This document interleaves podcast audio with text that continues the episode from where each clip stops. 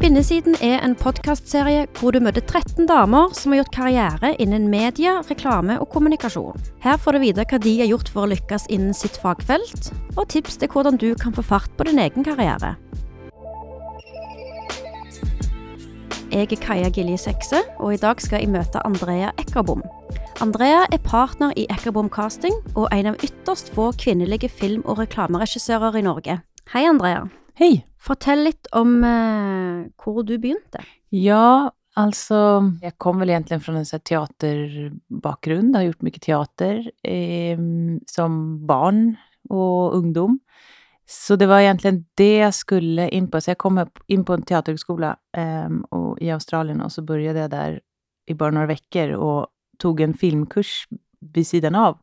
Och så förstod jag plötsligt att det är bakom kameran man har eh, kontroll på något vis, som jag tyckte att jag ville ha då. Så, så det var regi och klipp, eh, som klippare och regissör som jag kom ut från den skolan då och hamnade i Norge. Eh, jobbade ett par år i NRK och gjorde massa roliga inslag, regisserade massa roliga inslag och jobbade med ett humorprogram som heter Slå på ring. Och så kom jag, gick jag därifrån, eh, hamnade, ja, var 22 år och var med på allt som var dumt. Så jag hamnade uppe i Kautokeino och kastade samer till Kautokeino-uppröret och så, så hamnade jag då därifrån plötsligt in på eh, kannibalcasting. Eh, och där fastnade jag i många år med eh, Jannike Bervel som min slags mentor som lärde mig massa som fantastisk. Var det i Norge? Kastare. Ja, och så var det ju regi jag ville in på, men jag såg ju den möjligheten där att, att sitta som spindeln i nätet med casting och lära känna alla skådespelare och alla regissörer och hur hela branschen fungerar i Norge eh, var en jättefin start eh, att vara på och jobba med casting. Och jag älskar ju både, älskar yrket och eh, så jag tyckte det var, det, det, ja, det var en bra ingång till eh, till norsk film. Hva var det med casting som du elsker? Um, det är så uh, naket på det sättet att man kan skapa, det, det är liksom inga, uh, fi, inget fixfax med snygga bilder eller uh, ljus och scenografier och allt det där, utan man har bara 100% fokus med en skådespelare eller en, eller en aktör i studio. Um, och det, det tycker jag är fint och det, det tycker jag att många kanske... Eh, det, är, det är någonting som liksom blir borta lite ibland när man gör film, för att det är så många andra ting och element att tänka på i film. Så just det här med att ha 100% fokus till en aktör, det har jag försökt ta vidare eh, när jag gör film också. Um, och kunna ja, leka med skådespelare och aktörer och finna roller och finna olika typer av karaktärer och djup. Och det är kul. Så tycker jag det är kul med människor, alla typer av människor. Så det är ju det man gör. Man är ju liksom en karaktärscowboy som bara sitter ute och spanar på typer och undrar ifall, ja, vad den har i väskan och var den ska någonstans eller vad den, ja. Mm. ja. Sen började vi ju kasta en del, eller kastade en hel del långfilmer och eftersom det var regi jag ville fortsätta med, eller in på, så passade jag på att bli, eller vara med på inspelning som regiassistent. Så det var jag på en hel del långfilmer. Och bara sög ut, eller sög åt mig all möjlig ehm, eh, regierfarenhet. Eh, och alla regissörer jobbar ju så himla olika. Så jag verkligen bara, ja, var som en svamp där och lärde mig jättemycket. Så det, var, det är absolut en väg att gå om man vill jobba som regissör tror jag. Och inte kanske komma direkt från filmskolan och tro att nu är jag färdig regissör, utan då börjar man hellre och koka kaffe mm. till de man vill jobba med, så att man liksom lär sig vilken typ av kaffe alla vill ha. Och så är man på den vägen. Ja, och är i det miljöet och ja. ser vad mm. um, de olika folkene gör. Exakt, och, ja. och provar olika roller och sådär. Jeg tror det er noe som kanskje er gjeldende for mange yrker. Mm. absolut. At Det tror jag verkligen. Den, ja, at man ikke begynner rett fra skolen Nei. og ut i en jobb med ansvar, eller Ja, eh, Ja, men at du får se det litt fra the ground up, kanskje. Begynne Mm. litt på gulvet, på måte. ja, absolut. Det tror jag är jätteviktigt. Och, och det är någonting som jag känner idag, att alla produktionsassistenter eller alla man jobbar med, är, alltså vilket otroligt liksom, viktigt arbete alla gör. Och att, eh, att man inte ska missköta det som högre upp i rank på något vis. Att, eh, att eh, veta att man ska liksom sätta pris på, på alla som jobbar under en för att det, de verkligen jobbar på och, det, och sliter och står på. Och det, det har jag gjort själv och det gör jag ju fortfarande såklart, men att man liksom och bara få vara med på inspelning som produktionsassistent i början där, eller som regiassistent eller castare eller barnskådespelare, eller barnregissör eh, och alla roller man har haft, så har man ju verkligen, man lever ju i filmen när man jobbar med film. Det är ju något som man har med sig absolut dygnet runt. Opplever du det som en stor fordel nå? At du begynte med eh, som produksjonsassistent, Mm, og nå sitter med ja, og Mm. har litt mer ansvar? absolut. At du skjønner hva folk eh, Ja. setter pris på, alle, sånn som du sa, kanskje respektere Ja. eh, de forskjellige rollene mer? Ja, absolut. Det tror jag är jätteviktigt att man har provat alla roller. Och sen så är jag väldigt var på energier och dålig energi eller bra energi. Så jag, så jag vill ju väldigt gärna att det ska vara god energi på sätt eller på inspelning. Um, och det försöker jag ju skapa liksom helt ner i, i, alla funktioner, i alla fagfunktioner eller i alla eh, assistentroller och så. Eh, för det smittar av. Och speciellt dålig energi smittar som pesten. Det går jättefort. Mm. Så för mig är det viktigt att, eh, att man ser alla roller. Ja. Jag uppskattar dem. Tar du på deg mye av ansvaret sjøl på å holde energien og humøret oppe? Ja. Ja. Jo, absolut. Det gör jag verkligen. Men när jag, får, jag- det, jag får sån kick av det också. Det är väl liksom då jag är som eh, bäst. När jag är i, i den där eh, ja, glädjesboxen. Og hvordan gikk veien videre da fra å være produksjonsassistent til å bli um, regissør, og til å drive ditt eget firma, ikke minst? Ja, Um, nei, det var ju en hel del eh, regiassistent på en del, till många regissörer. Och så hade jag, eh, var jag regissör för många eh, för barn i en, ett par långfilmer. Eh, och så var jag, fick jag någon second unit-ansvar, second unit-regissör.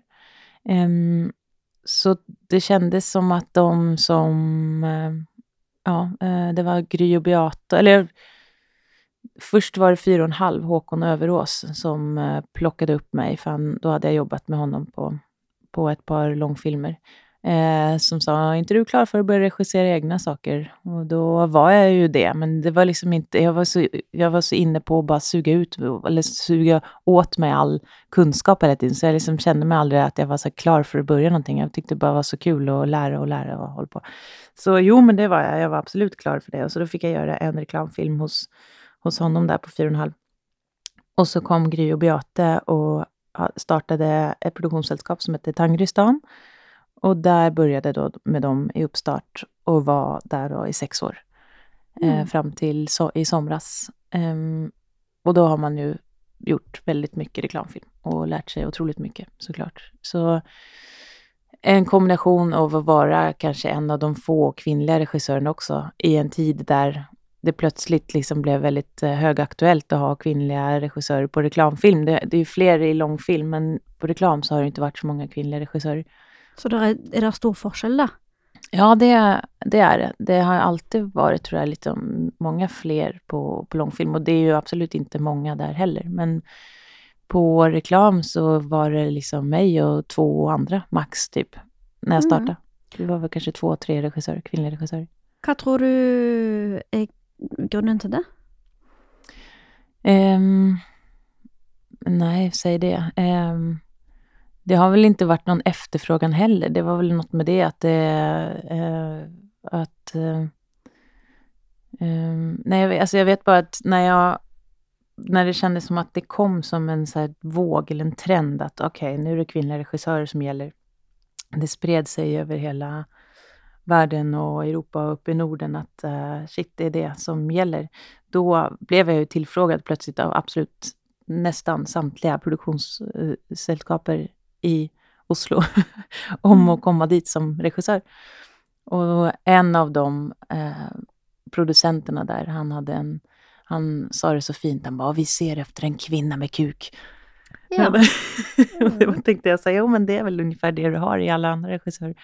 Men Det er litt sånn Det er jo fint at eh, eh, disse produksjonsselskapene da får øynene opp for at det finnes dyktige kvinnelige regissører, men at man må vente på at det er en trend mm, for at man skal bli etterspurt eller ettertrakta eller ja, få disse tilbudene, er jo i seg sjøl eh, ganske trist. jo, absolut. Men nu ser man ju verkligen att det håller på att hända stort, tror jag. Och ehm, jag lärde häromdagen någonting som jag tyckte var så intressant. Det var att i början av 1900-talet, 1910-1920, då var det alltså bara kvinnor som jobbade med film. Eh, kvinnor och judar, det ansågs egentligen inte vara som ett riktigt yrke, utan det var en ren eh, konstform. Och eh, eh, det var då stumfilm då såklart. Och massa otroligt fina kvinnliga regissörer som jobbar med det. Och sen då efter The Big Crash 1929 så eh, förlorade massa män sina jobb och började jobba med film då, eller tog filmyrken och gjorde en business utav det. Och sen när de då i sin tur skrev filmhistoria så började väl den inte egentligen förrän 1930-40-talet. Så de bara glömde att berätta att det var egentligen en, så här, egentligen en kvinno, eh, kvinnoform, det här med att jobba med film. Så det tycker jag är, är fint att ha med sig som, som regissör, eller som kvinnlig regissör. Att, att vi, vi vet ju vad vi håller på med. Det är en estetisk eh, form som passar oss väldigt bra. Och sen så har vi bara ehm, blivit glömda typ i historien en stund. Men jag tycker ju att man känner det nu, att någonting är verkligen på väg att hända. Så det är spännande tider. Det känns som att vi är med på något historiskt moment. Ja. Hvorfor tror du det er flere menn som har lykkes som regissør? Ja, först så är det väl att, de, att fler män har fått eh, chansen till det på det sättet att... eh, ehm, nej, alltså det, det, stora mysteriet är varför vart alla, tid, alla kvinnor, vart de har varit någonstans och varför de inte ehm, stiger fram. Så det borde de ju göra. Men så har jag en annan teori som jag har tänkt lite på. Ehm, jag har aldrig snackat med någon om den. Nu ska vi testa den här i din podcast. Men det är så här, jag tror att eh, vi kvinnor rosas ju så mycket för att vara så himla duktiga på att multitaska. Och det har ju alltid vi liksom, folk, vi blir ju klappade på, på skulden och axeln för att vi är så duktiga på det. Och det tar vi till oss liksom som att ja, det kan vi minsann. Och, och män kan ju bara koncentrera sig på en sak åt gången och haha. Men det tror jag har varit till deras absoluta fördel i, eh, i det här. För att det gäller ju att ha 100% fokus till det man gör. Och, ehm, och jag vet inte om det kan ligga något i den teorin. Men jag har, jag har någon känsla av att nu när jag har börjat fokusera på en sak åt gången istället för att vara den som ska liksom fladdra runt och göra, ta alla upp uppgifter och vilja göra hundra saker. Och, eh, jag märker att jag får mycket mer gjort när man har fokus på en sak åt gången. Och det kanske är den där eh, duktiga flickan som ska vara så duktig på att göra tio saker samtidigt. Ja, Vi får kanske sluta. Ja. Ja. vi får sluta vara hon. Ja, jeg kan signere på den, fordi jeg har sjøl erfart at eh, jo mer fokusert man jobber, når man ikke skal rekke over absolutt alt innenfor alle områder, jo enklere er det jo så klart å eh, lykkes spesifikt på de, og så Mm. heller tar man på seg mer ansvar eller oppgaver eh, når man har mestra de. Ja. Så jeg òg tror det sikkert høres Ja. eh, eh, smart ut. Ja. Och män som liksom, nej men det, jag kan bara göra en sak åt gången och så tar vi så ja du, det kan du bara. Låt Mm. mig få ordna dina Mm. grejer också. Ja, nej vi får eh, börja tänka mera så, att vi ska göra en sak åt gången. Ja. Um, og så er du partner i ditt eget selskap, Ekka Bomcasting. Ja. Fortell litt om det. Jo, men det var ju då när jag skulle sluta med casting för att hålla på mer med regi som, jag skulle, som var den stora planen. Då kom det ändå en hel del jobb till mig, castingjobb, även fast jag hade slutat i, i kannibalcasting efter fem sex år. Så då sa jag ja till något jobb där medan jag gjorde någon annan regi, eh, något annat regijobb. Och så fick jag en assistent, eller jag tog med en, en, en tjej som heter Ingrid, som hjälpte mig. Och så gjorde vi där något jobb och så satt vi hemma hos mig och så sa hon eh, Kati ska komma imorgon. Då var vi färdiga så sa jag nej men nu har vi inte något mer jobb, nu kan du gå hem. Kati ska komma imorgon. Då liksom gav hon sig inte. Så, så kom hon tillbaka då imorgon, dagen efter. Hon har inte den dialekten för övrigt, hon är från Molde, men det blir alltid den. Ja. och sen satte hon upp en eh, hemsida, gjorde visitkort och så fortsatte jobben komma in. Så att hon kom hem till mig klockan nio typ varje morgon och uh, satte upp Ekebom Casting, varpå jag började min nya regikarriär och skulle göra något helt annat. Så det är ju nu fem år sedan eller något sånt där. Och det rullar på. Och uh, jag är ju massa involverad såklart, men jag har inte gjort så mycket eh, liksom casting. Men vi har jätteduktiga tjejer som jobbar med oss. Så um, ja, det, och jag castar ju mycket med, med, det, med de tjejerna såklart. Till mina egna projekt. Så da får du egentlig drive med to av de tingene som du virker som du liker best. Mm. Både casting och, eh, och regissera. Precis. Fint att ha ett eget arkiv, för det är ju det man behöver. Det är ju, för mig är ju det det viktigaste, att göra film, det är ju castingen. Så, så att det är ju fint att kunna ha alla, alla sina favoriter samlade i ett arkiv. Så ehm, efter, ja, och sen så efter Tangristan då, där jag hade varit i sex år, så kände jag att jag ville ha något eget också där. Så då började jag tillsammans med Animationsdepartementet som är ett eh, väl etablerat animationsbyrå eh, eh eller animationssällskap, produktionssällskap i Oslo. De var intresserade av att börja med att göra film, alltså levande film. Så då startade jag upp tillsammans med eh, dem då en egen avdelning som heter Filmdepartementet. Och där, eh, ja, där har vi hållit på med nu ett halvår. Så det är roligt. Ja, gøy. Jeg leste om deg at du er kjent for å følge din egen intuisjon. Ja.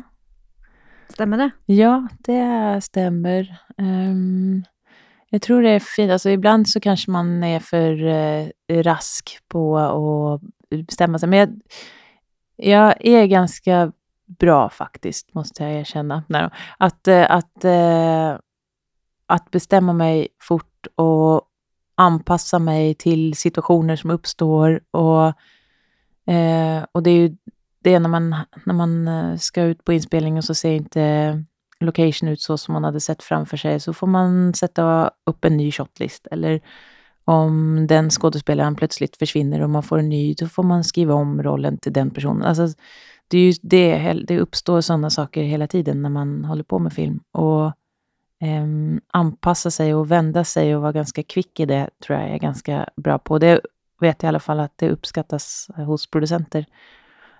Ja. så att man liksom inte står där och bara, nej, det var inte så här jag hade sett framför mig. Ja, så du må handla får... raskt och ta avgörelser och ja. stole på din egen dömekraft, rätt och slett. Ja. Så det... Och det gäller, også, gäller det òg eh, valgene du har tagit karriärmässigt? Ja, det tror jag. Eh, absolut. Det kommer nog från gamla tiden i Stockholm, eller min, mina ungdomsår i Stockholm. Då eh, var det mycket ute och vi var mycket stökigt och eh, ja, var väldigt så här, kriminell och dålig miljö. Så att jag tror det kommer kanske därifrån att man hade en så stark intuition redan då. Att man visste vilken bakgata man skulle gå in på eller inte. Eller, ja, street smart helt enkelt. Ja, det får nettopp. man ta med sig vidare.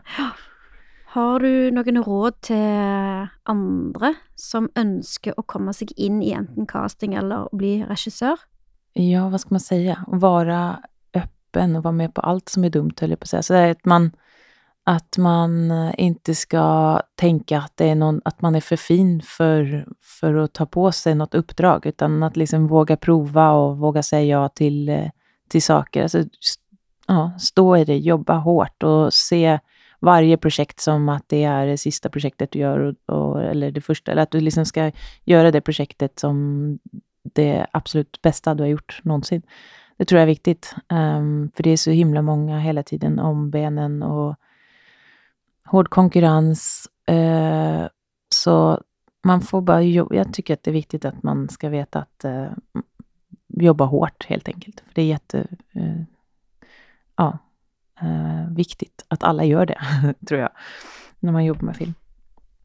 Bör man eh, utdanna sig om man vill bli regissör, eller tror du att det funkar bara få ren arbetserfarenhet? Jag tror att det bästa är att bara jobba på inspelning. Med den erfarenheten så kan man nå långt. Och så är det klart att det finaste med, med filmutdannelse eller med utbildning är ju att se mycket film. Där får man ju se och diskutera och, um, och såklart testa egna filmer och så. Men idag är det så lätt att få eget kamera och eget eh, redigeringsprogram och så vidare. Så det, det, kan, det är ju bara ut och prova. Um, och sen så är det viktigt att bara se massa film hela tiden.